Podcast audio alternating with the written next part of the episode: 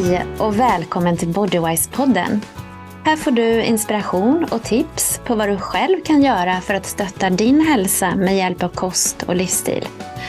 Jag som gör den här podden heter Ulrika Elofsson och driver företaget Bodywise. Jag jobbar som funktionsmedicinsk hälsocoach och personlig tränare och jag vill hjälpa dig med helheten när det gäller din hälsa. I det här avsnittet pratar jag med Tina från Colorful Health under nästan 20 år uppsökte hon med jämna mellanrum vårdcentralen på grund av olika symptom som trötthet, oro, ångest och sömnproblem. Varje gång fick hon samma svar. Alla dina prover ser bra ut. Det är bara stress. Här berättar hon om sin resa att läka från flera olika ohälsosymptom med hjälp av kost och livsstil. Hoppas du gillar avsnittet. Jag blir jätteglad om du hjälper till att sprida det så att andra också får chans att ta del av Tinas fantastiska historia. Det här avsnittet produceras i samarbete med Upgrit. Upgrit är en onlinebutik som säljer kosttillskott av hög kvalitet. Även om kost och livsstil är grunden kan vi ibland behöva stötta kroppen lite extra under en period. Med koden BODYWISE får du 15% rabatt på hela deras sortiment av högkvalitativa kosttillskott.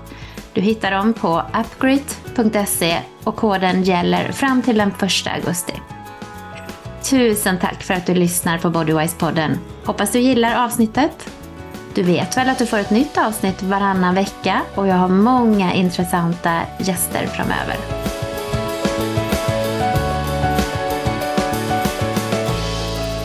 Hej och varmt välkommen Tina. Tack. Så kul att ha med dig och tusen tack för att du tar dig tid att vara med. Idag så ska ju du och jag prata om din egen hälsoresa och jag skulle faktiskt vilja börja med att läsa några rader från din fantastiskt fina bok Läkande dundermat. Så här skriver du i början av boken. Efter drygt 20 år med ohälsa såsom utbrändhet, oro, ångest, sömnproblem, inflammation, övervikt, hormonell obalans, PMS, sköldkörtelproblem och bröstcancer är jag idag som 50-åring piggare och starkare än på mycket länge. Och anledningen till att jag ville prata med dig idag, det är ju för att jag tror att många kan känna igen sig i din berättelse.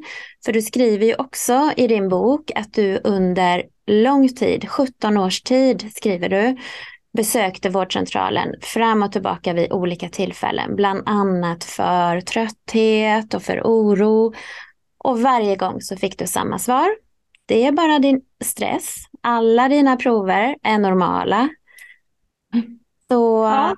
det måste ju ha varit oerhört frustrerande för du kände ju någonstans att du inte mådde bra. Annars hade du inte sökt. Men eh, som sagt, jag tror kanske inte att det här är helt allvar, eh, helt, eh, nu tappar jag orden, ovanligt.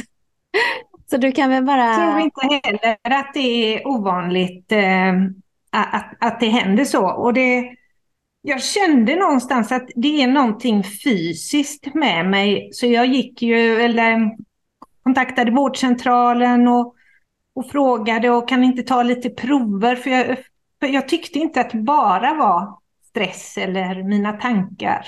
Mm. Men jag fick alltid samma svar, att nej, provsvaren ser bra ut. Och jag nöjde mig ju också med de svaren, för jag jag visste ju inte att det kan finnas lite mer optimala provsvar. Mm. Så jag gick ju på vad läkaren sa. Jag gick ju i så mycket yoga, mindfulness och KBT och allt möjligt för att få bukt med min oro och ångesten och det jag hade. Och det blev ju bättre, men det blev aldrig riktigt bra och jag hade en fysisk trötthet också. Mm. Men när började det här då? Alltså, hade du alltid känt så här eller kom det smygande på? Eller? Nej, det kom nog smygande på, men så hade jag tre täta graviditeter, 97, 98 och 01 eh, fick jag tre söner. Så kanske efter andra barnet så eh, började jag känna lite mer trötthet och lite oro och sådana grejer. Sömnproblem fick jag. Jag tänkte att det är väl normalt när man har barn. Men efter tredje barnet så blev det mer och mer och eh, då hade jag en vän som sa att det inte är normalt att må så som du mår. Och då var, hade jag nog en, en, en, lite depression, utmattning som jag fick en diagnos från vårdcentralen och eh, jag började nog äta lite antidepressivt en period där också och började i KBT och började träna mindfulness. Så jag blev bättre, men jag blev aldrig bra. Mm. Det blev jag inte. Den här tröttheten eh, hängde över mig. Så eh, om jag säger runt år 2000 då, så mådde jag inte så bra. Och detta puttrar ju på. 2009 fick jag bröstcancer. Ehm, så jag har opererat bort ena bröstet. Och eh, den var ju östrogendominant. Alltså det, det berodde ju på östrogendominans egentligen att jag fick min bröstcancer. Och jag fick ju eh, både cellgifter och en annan behandling. Mm. Så mitt när du mådde så här då, att du var väldigt trött ja. och ja. då drabbades du ytterligare av ett eh, ja. slag i ansiktet kan man säga. Ja. Men eh, på något sätt så mådde jag ändå faktiskt bättre efter. Jag fick ju någon sån här hormonbehandling också under några år som eh, Ja, jag, jag är inte jätteinsatt, men det minskar östrogenet tror jag den behandlingen som jag genomgick. Mm. Kan det ha varit den här tamoxifen? Ja, det var det. Mm. Så ja, livet puttrade på. Det var väl lite okej okay, sådär livet. Det var inte katastrof. Men 2016 så kände jag att nej, det, det, är något som inte stämmer. Och då hade jag ju hört talas om sån här eh, att man kunde gå och ta egna blodprov. Så jag tänkte jag behöver ta ett stort blodprov. Så jag gick till eh, Verlabs och tog ett sånt där stort blodprov. Och eh, ser då att jag har problem med min sköldkörtel. Mm. Och detta är någonting, tester de har tagit för alla mina symptom har också stämt överens med det på vårdcentralen. Så de har ju tagit de testerna. Men jag har ju legat under referens. Mm. Och vilka tester är det du pratar om? Är det T4, TSH? Ja, det är de två de har tagit. De har inte tagit T3 då. Men så att eh, TSO har ju legat högt under hela tiden. Jag har ju begärt ut mina provsvar efteråt och sett att jag har ju legat på gränsen, men, men fortfarande inom referens då. Mm. Och för de som lyssnar som kanske inte är helt insatta i det här så kan vi berätta att TSH är ju thyroid stimulating hormone. Alltså det är ju det som din, förenklat sett, hjärna signalerar till din sköldkörtel att släppa ut sköldkörtelhormon. Och om TSH är förhöjt så betyder det att här skriker ju, här får ju sköldkörteln ganska högljudda instruktioner och ändå så släpper den inte ut så mycket sköldkörtelhormon som behövs då. Mm. Bra, vad bra att du förklarar.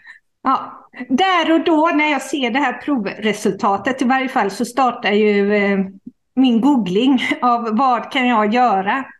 Förstår att man kanske behöver äta medicin, men jag känner inte att jag vill det, utan jag känner att jag, jag läser på lite och, och, förstår att kanske en livsstilsförändring också kan hjälpa mig. Mm. Men hade du andra värden menar du när du tog dem på Wear Labs eller var det bara att de hade andra referensvärden eller hade dina Nej, försämrat? De hade blivit sämre. Mm.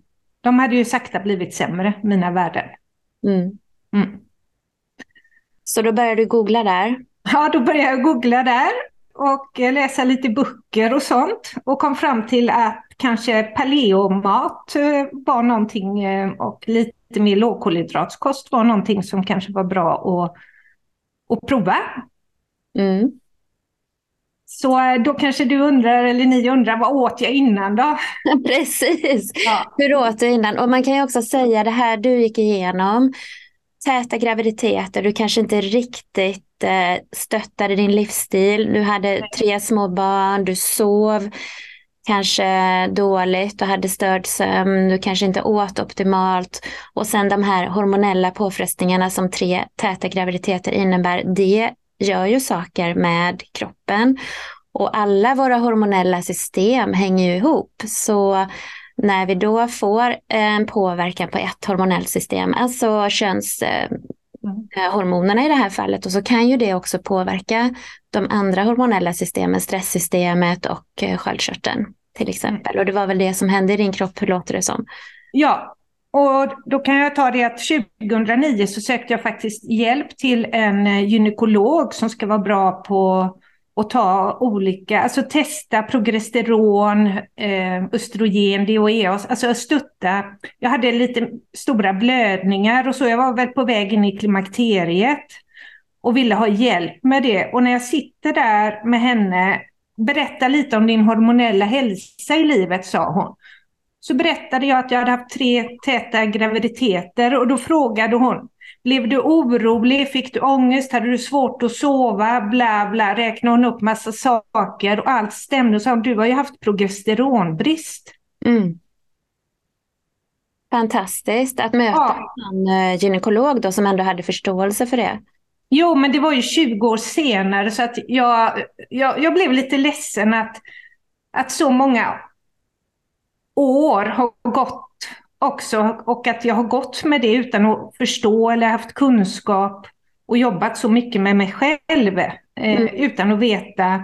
Alltså det är ju inte det som du säger, det är inte bara en orsak, självklart inte, men det var en pusselbit som jag inte visste om. Mm. Och det här är ju någonting vi börjar prata mycket mer om nu. De här, hur våra hormoner samspelar och Alltså förklimakteriet kan ju börja redan i 35-årsåldern och sen eh, och vi kan ju få jättemycket olika symptom som vi inte ens vet om själva som kvinnor, hur vi kan påverkas.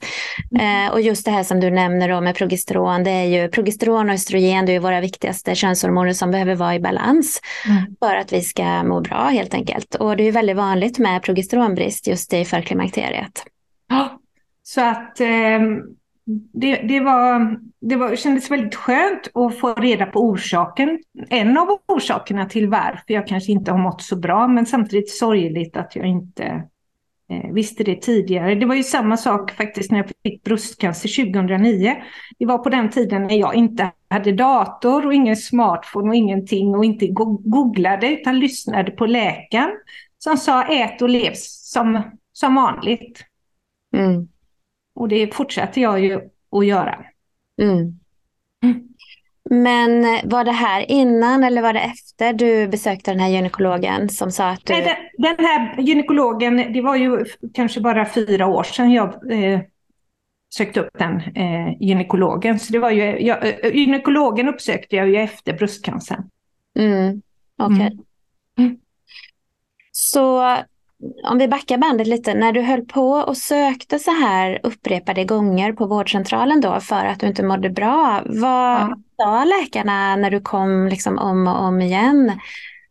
Du sa att du Nej, de, de var stress och um, de, jag gick någon mindfulnesskurs som läkare höll i och ja, jag jobbade med den stressen då. Det var det, det, var det de sa varje gång att det, det ja, med yoga, mindfulness och det, det, var bara de svaren jag fick då.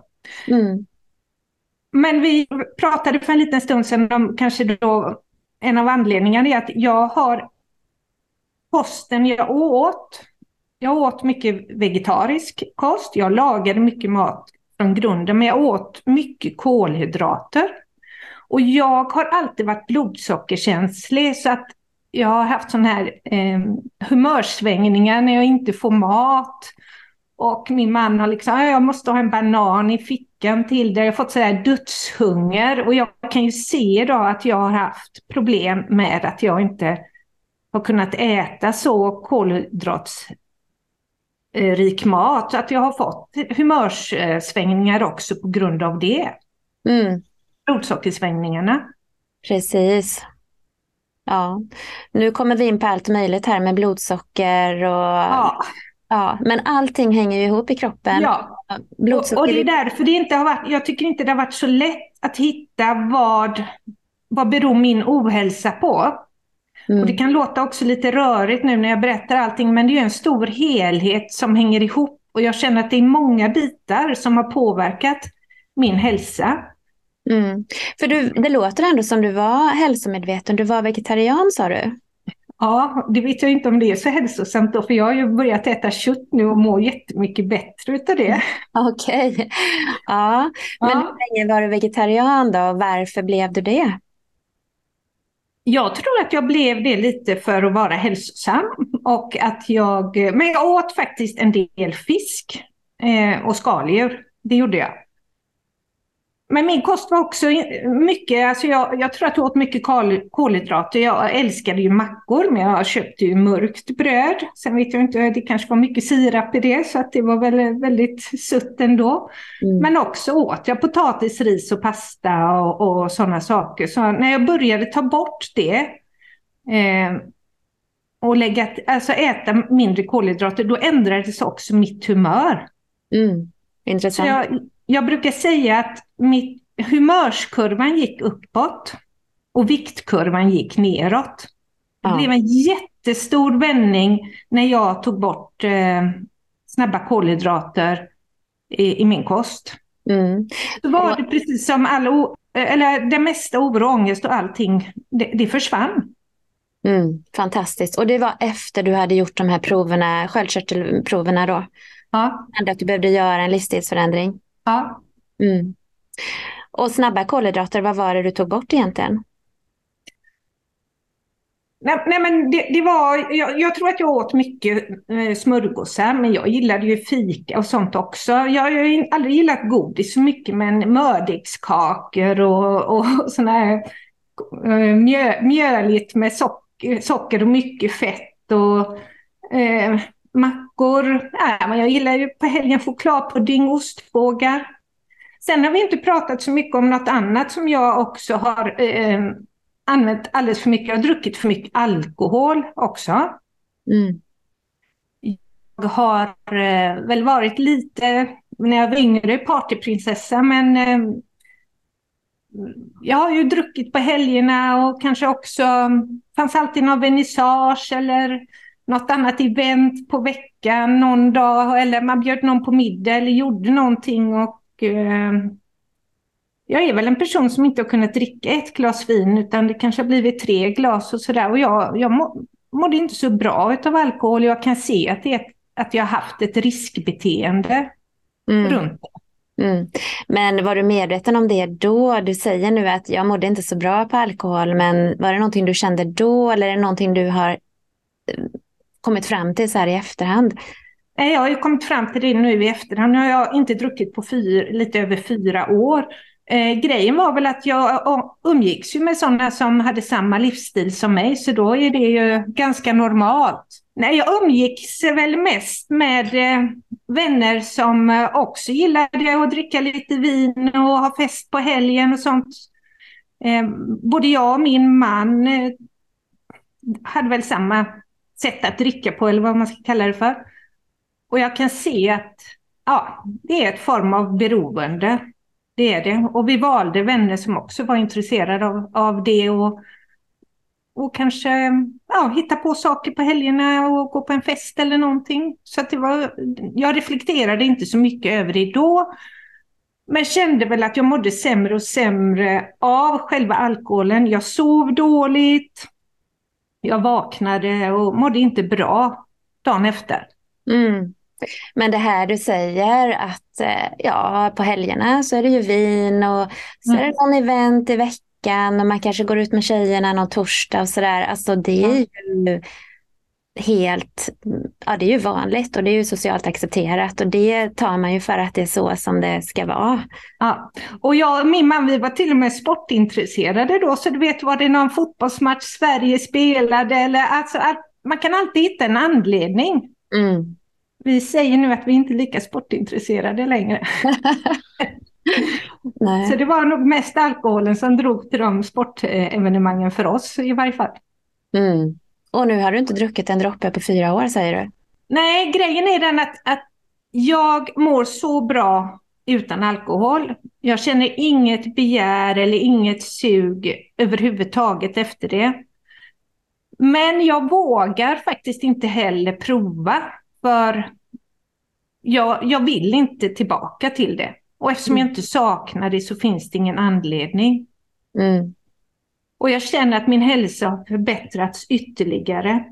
Och varför jag tog beslutet, nu har vi inte kommit in på det, men jag ändrade ju först min kost som jag har berättat.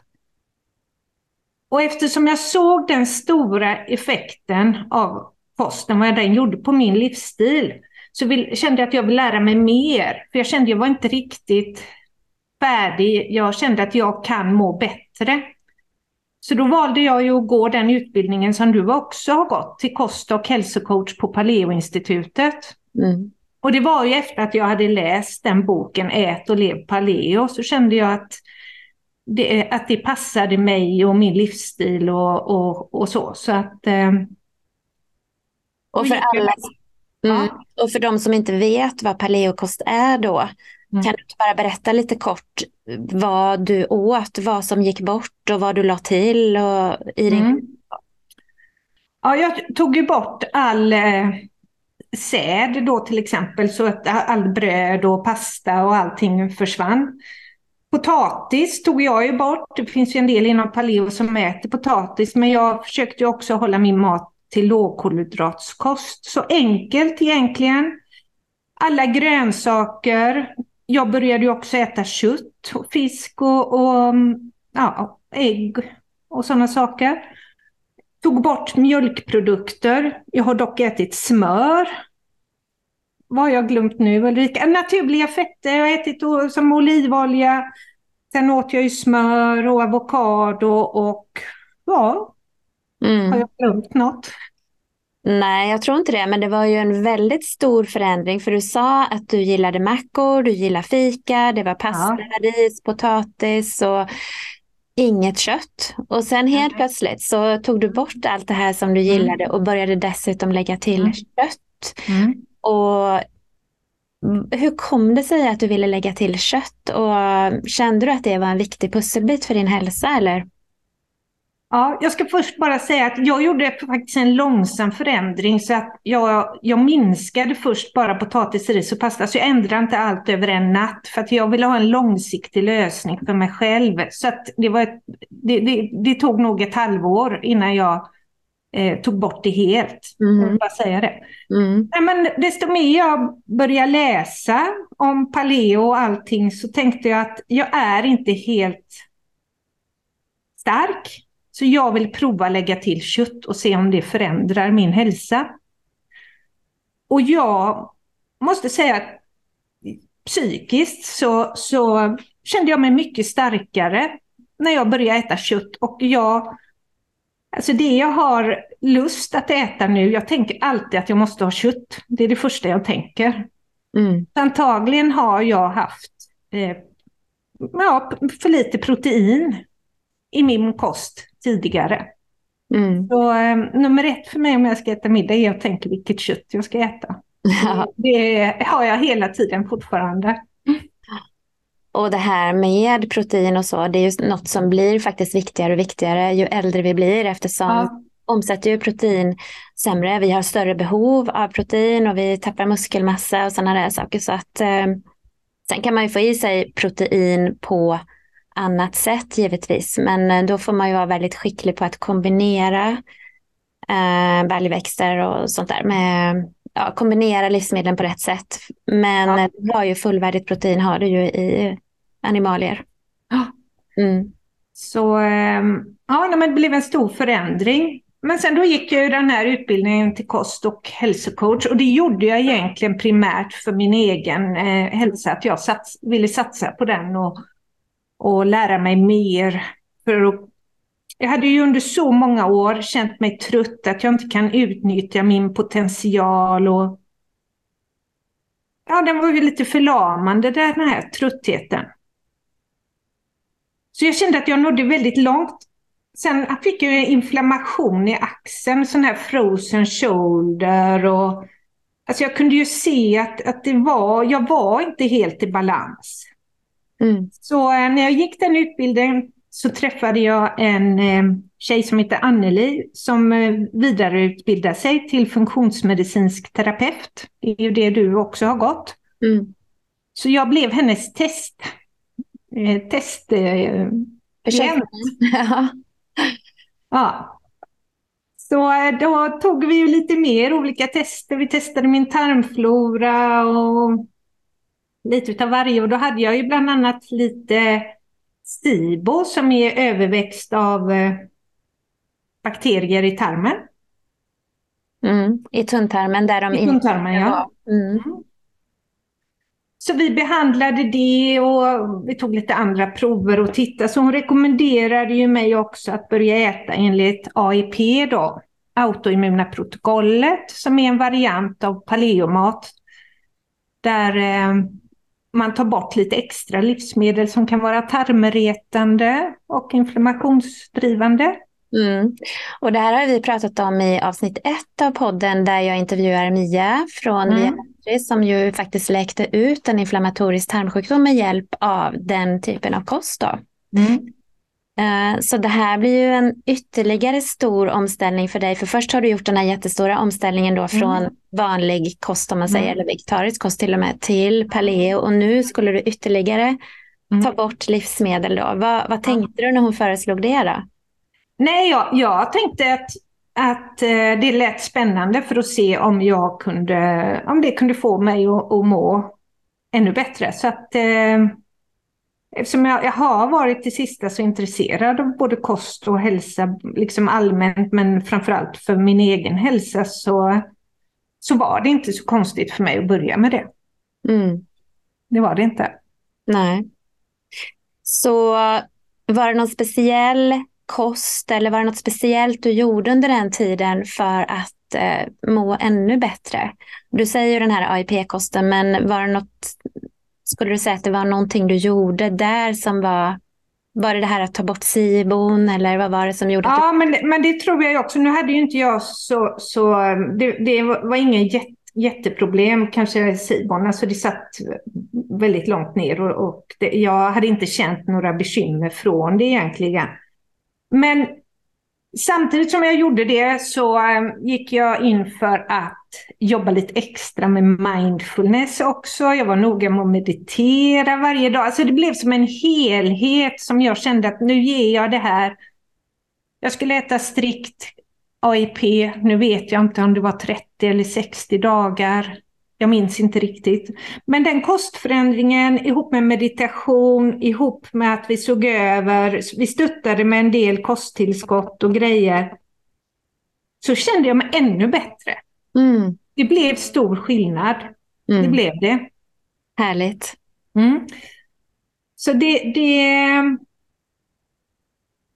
Absolut var det en pusselbit till att må bättre. Mm.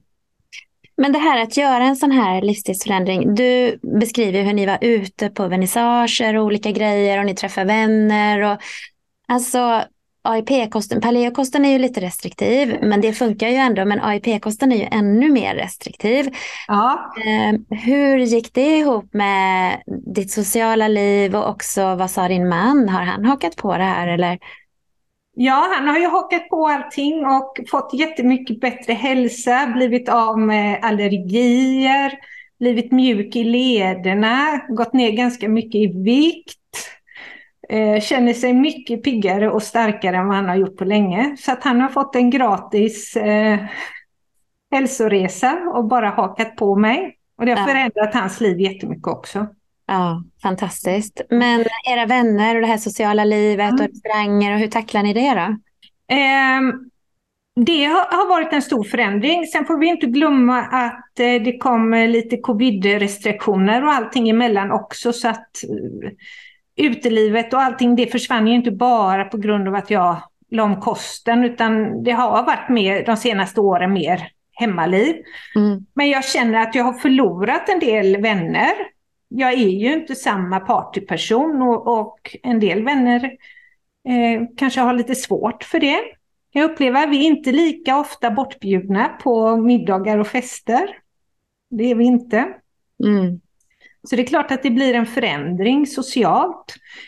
Eh, angående hur man gör när man går bort och så. När jag åt strikt så eh, hörde jag av mig innan och frågade om jag kunde ta med någonting för att komplettera.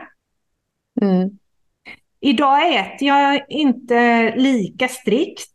Ehm, det finns väl vissa saker som jag inte äter. Jag vill inte äta för mycket säd och gluten och sådana grejer. Men jag kan äta lite mjölkprodukter och sånt om jag går ut eller om jag går bort idag. Mm. Så att jag är inte lika strikt idag. Nej. Men vid den tiden när du var så strikt, då, vad fick du för reaktioner från omgivningen? Var det liksom ifrågasättande eller var det stöttande? Och hur tacklade du det? Nej, jag tror inte att det har varit ifrågasättande eftersom jag redan hade ändrat så mycket. Så att jag ändrade justeringen från, från paleo till AIP upplever jag nog inte att någon, någon, någon, några kommentarer runt det. Men en del kommentarer är att man behöver ju unna sig. Mm. Ja. Just det, det man, man behöver ju unna sig. Och det här mm. då med att jag inte dricker alkohol och Ja, man, och godis, men det har jag ju inte ätit i och för sig. Men nej, men man måste ju unna sig och unna sig fika. Och... Ja, men jag, för mig är unna sig, det, det är att jag mår bra. Det vill mm. jag unna mig. Mm. Jag känner ingen saknad efter de grejerna. Det gör jag inte. Nej. Men jag kan se att det kan vara besvärande att man sitter där och väljer bort allting när man är den andra, för andra personer upplever jag nog. Ja. Nej men det är ju ofta att man blir ifrågasatt och det är ju det här, liksom, vi behöver följa gruppen och när vi går mm. utanför och gör något annat så blir vi ifrågasatta och då, då krävs det ju att man är rätt stark för att orka stå mm. emot det och veta. Mm. Eh, ja, det här vill jag välja för att det är mina värderingar och inte fastna i det där liksom beslutet i stunden att ah, det kanske inte gör så mycket om jag gör det här, utan veta att nej, om jag gör det valet så mår jag på det sättet och gör jag det valet så kommer jag må på det sättet då. Mm. Och att orka hålla fast vid det. Mm. Jag känner att jag har väl haft ett väldigt stort why varför jag gör detta. För att så många år av mitt liv ja, har försvunnit i trötthet och allt. Så um, jag vill inte till något pris tillbaka till det. Jag känner att jag blir faktiskt starkare och starkare eh, snarare. Någonting mm. som jag har glömt säga är det att jag börjat träna också. Ja. jag tränade ju inte på 30 år ungefär. Nej. Så, eh, då var det på tiden nu då. För fyra år sedan så började, började jag gå till en PT och började träna. Så för första gången i hela mitt liv, jag är 52 år nu, har jag faktiskt lite muskler. Ja. Jag känner mig faktiskt väldigt nöjd med min kropp. Det är en väldigt härlig känsla och, ja. och jag har i och för sig alltid tyckt att jag har sett okej okay ut. Jag har ju också vägde 15 kilo mer innan men jag tyckte det var okej. Okay. Jag har aldrig brytt mig om det men jag känner mig, alltså när kroppen känns pigg och stark nu är det inte jättemycket muskler jag har, men för att vara mig då så är det mycket muskler. Så det är en väldigt skön känsla att känna att jag, jag har, har muskler. Absolut. Och jätteviktigt ju, i takt med att vi blir äldre, vi tappar ju muskler, ja. så det är viktigt att försöka bevara och till och med kanske bygga muskler då. Mm. Uh, men uh, alltså vilken fantastisk resa du har gjort och vi har ju pratat om allt möjligt. Du har pratat om kosten, du har pratat om träningen, du pratar om meditation och mindfulness, liksom hur allting hänger ihop. Och precis som vi började i början med det här avsnittet, att det var också många saker. Det var hormonella obalanser, det var sköldkörtelproblem, det var trötthet, det var ångest, det var oro. Och allt är ju en helhet i kroppen det är svårt att koppla ifrån magen från någon annan del av kroppen. Liksom. Och precis som du säger nu då att du har behövt angripa hela din livsstil för att ta din hälsa ytterligare och må ännu bättre. Liksom. Ja. Och nu tror jag, eller min största utmaning är fortfarande det här med, lite med mindfulness, att ta tid till det och inte göra för mycket och sånt. Det är fortfarande en utmaning, men jag behöver jobba på helheten. Det, mm. det har inte gått att jobba med alla bitar var för sig bara, utan... Och jag kommer nog få fortsätta jobba med alla bitar resten av livet också. Om jag vill fortsätta vara så pigg och stark som jag är nu. Och det, det är klart att jag har dippar ibland. Jag, jag har inte någon sån här... Jag är inte dunderstark hela tiden, det är jag inte. Men jag ser att när jag tar hand om mig, då, då mår jag bra. Mm. Men det är ju som du säger, att jobba med sin hälsa det är ju ett ständigt pågående arbete. Mm. Man testar saker och man eh, lägger till saker och man kanske går in för ja, mindfulness som du säger, kanske lite extra i olika perioder och så. Så det är ju mm. det är ett projekt. Vi får ta hand om oss helt enkelt. Ja. Men hur äter du och lever idag? För du sa att du var inte lika strikt med kosten längre. Nej. Eh, jag jag börjar ju alltid min dag med min drömfrukost och det är köttfärs med stekta grönsaker. ja. Från att ha ätit och sånt tidigare så det är det första jag tänker på när jag vaknar. Nej, men jag, jag äter till största del eh, paleo. Um, så jag äter kött och fisk och grönsaker och de grejerna. Jag undviker också, det har vi inte pratat med, alltså jag kan ju se att jag har lite kolhydratsberoende. Jag älskade ju mackor. Så bakar jag nu då paleobröd med mandelmjöl och sånt, då överäter jag det. Så att jag, jag baserar mest min kost faktiskt på, på kött, fisk, ägg och, och de bitarna och grönsaker och naturliga fetter. Så jag försöker undvika bakverk och sådana grejer. Men jag äter inte lika strikt lågkolhydratskost som jag, eller LCHF kanske jag ska säga som jag gjorde innan, för jag kan ta någon frukt ibland nu och är jag på semester kan jag äta någon glasskula någon gång. Alltså det, det, men inte till vardags gör jag inte det. Jag försöker hålla maten så... Det, jag äter det jag vet att jag mår bäst utav. Mm. Och då... Jag tänker att jag ska få näring. Jag, tänker, alltså, jag har aldrig räknat kalorier. Jag har aldrig eh, alltså, bantat. Utan jag, jag är jättenoga med att äta mig mätt. Mm. Tre gånger om dagen äter jag då. Mm. Och då äter jag middagsmat. Nej, middagsmat tre gånger. Jo, men om jag någon gång är hungrig så äter jag faktiskt ett mål till. Men det är mat jag äter då. Mm. Så middagsmat tre gånger om dagen helt enkelt? Ja. ja. Och det här kan nog låta lite konstigt för många att man äter middag till frukost. Ja. Men det blir ju lätt så på AIP för att då går ju mycket av den här traditionella frukostmaten bort. Och ja. när man har testat att äta middag då till frukost så går ju det faktiskt väldigt bra ja. efter ett tag.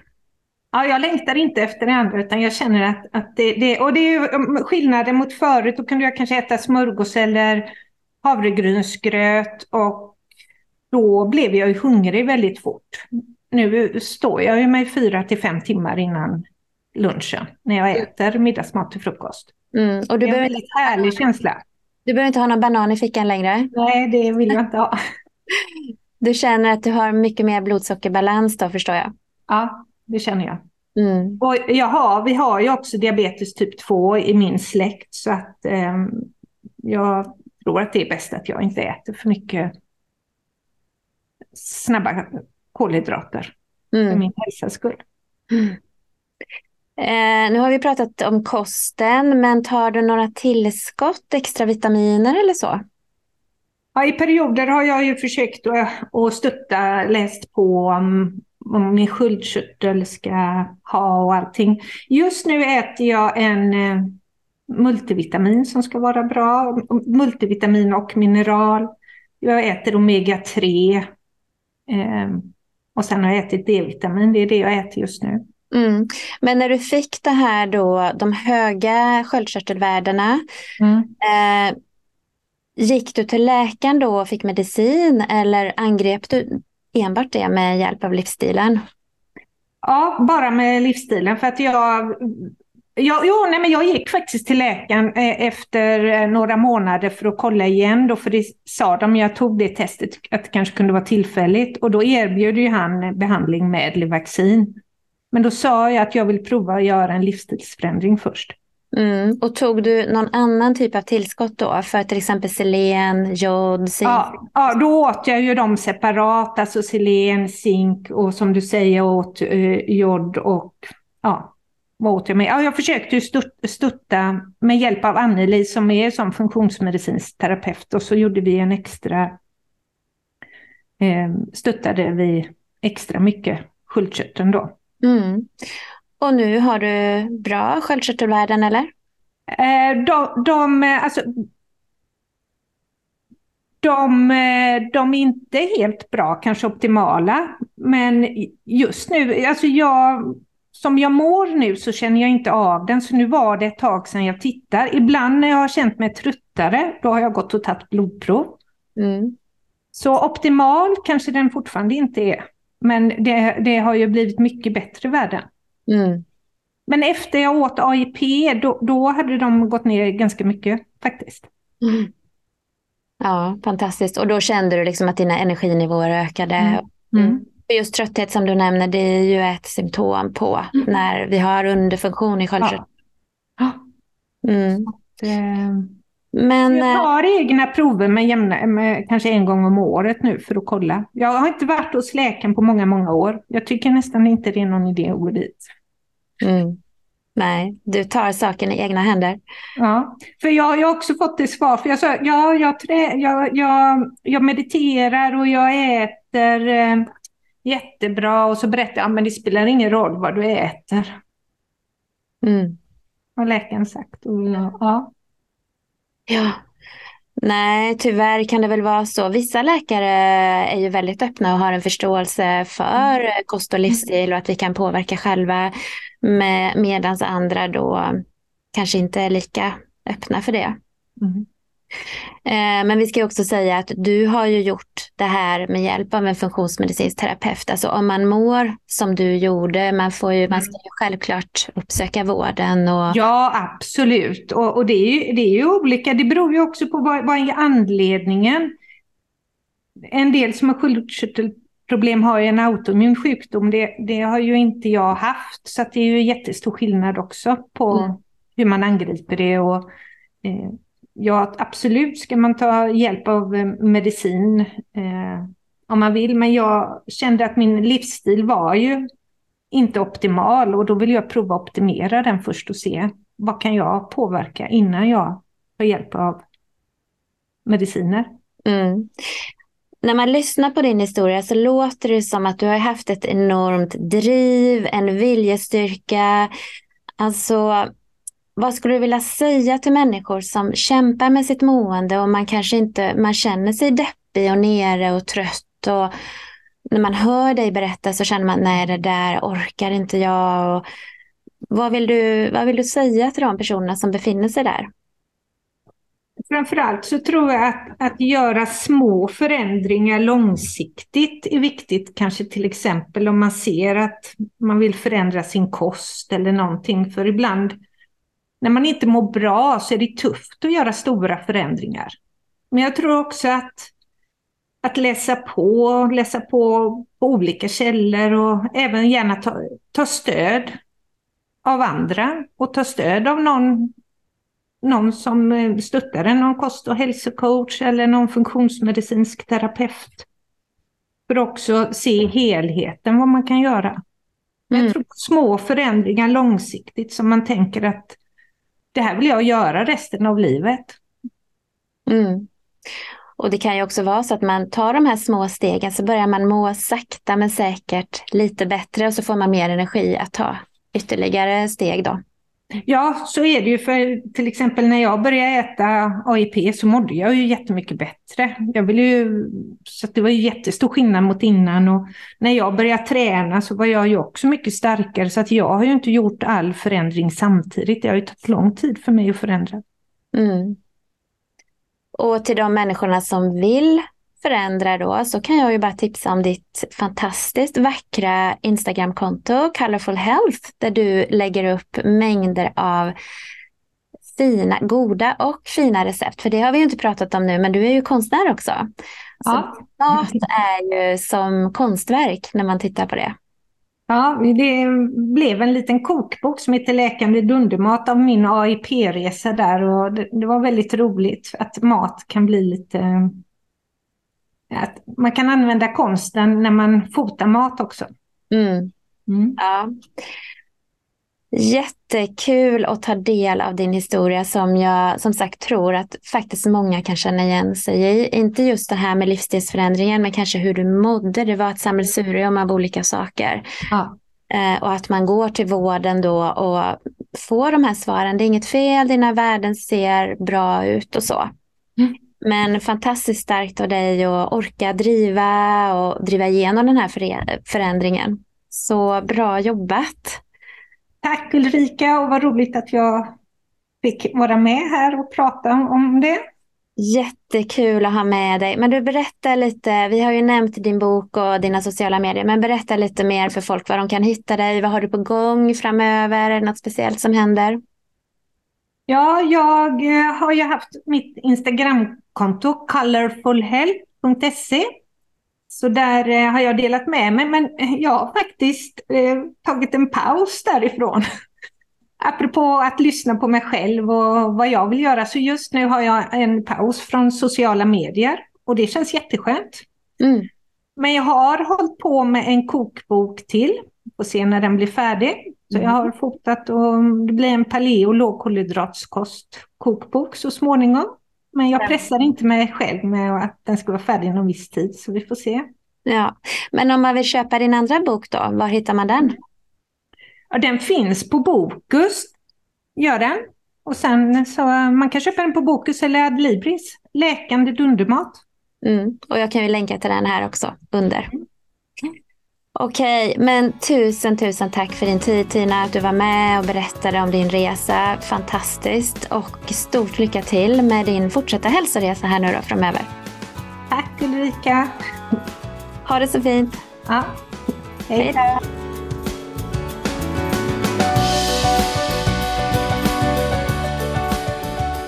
Du har lyssnat på Bodywise-podden med mig Ulrika Elofsson. Tusen tack för att du har lyssnat. Hoppas att du uppskattade avsnittet. Vill du höra fler intervjuer som denna? Kom ihåg att prenumerera på Bodywise-podden i Spotify eller Podcaster eller via min hemsida bodywise.se. Där kan du också läsa mer om mig och mina tjänster, boka rådgivning och kontakta mig. Som vanligt blir jag väldigt glad om du hjälper mig sprida avsnittet och kommenterar. Och kom ihåg att kika in på upgrade.se där du får 15% rabatt på kosttillskott med koden BODYWISE ända till den 1 augusti. Ha en fin dag så hörs vi snart igen.